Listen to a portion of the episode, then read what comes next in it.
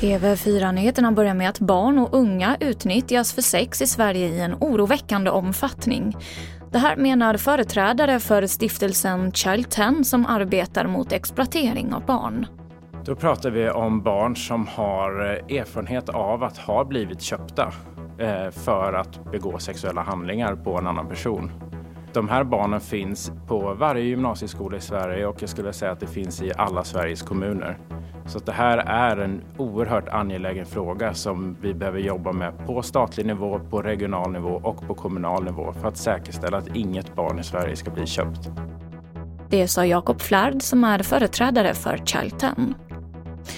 Ett 88 meter långt holländskt fraktfartyg har gått på grund utanför Bornholm, rapporterar SVT om.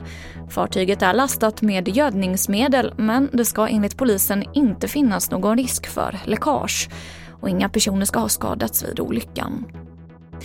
Vi avslutar med att Skatteverkets förmedlingsuppdrag som hanterar postutdelning till personer med skyddade personuppgifter inte är säkert.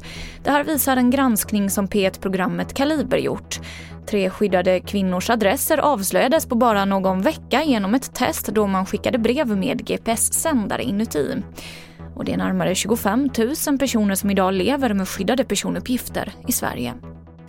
Och fler nyheter hittar du i vår app TV4 Nyheterna. I studion, Emily Olsson.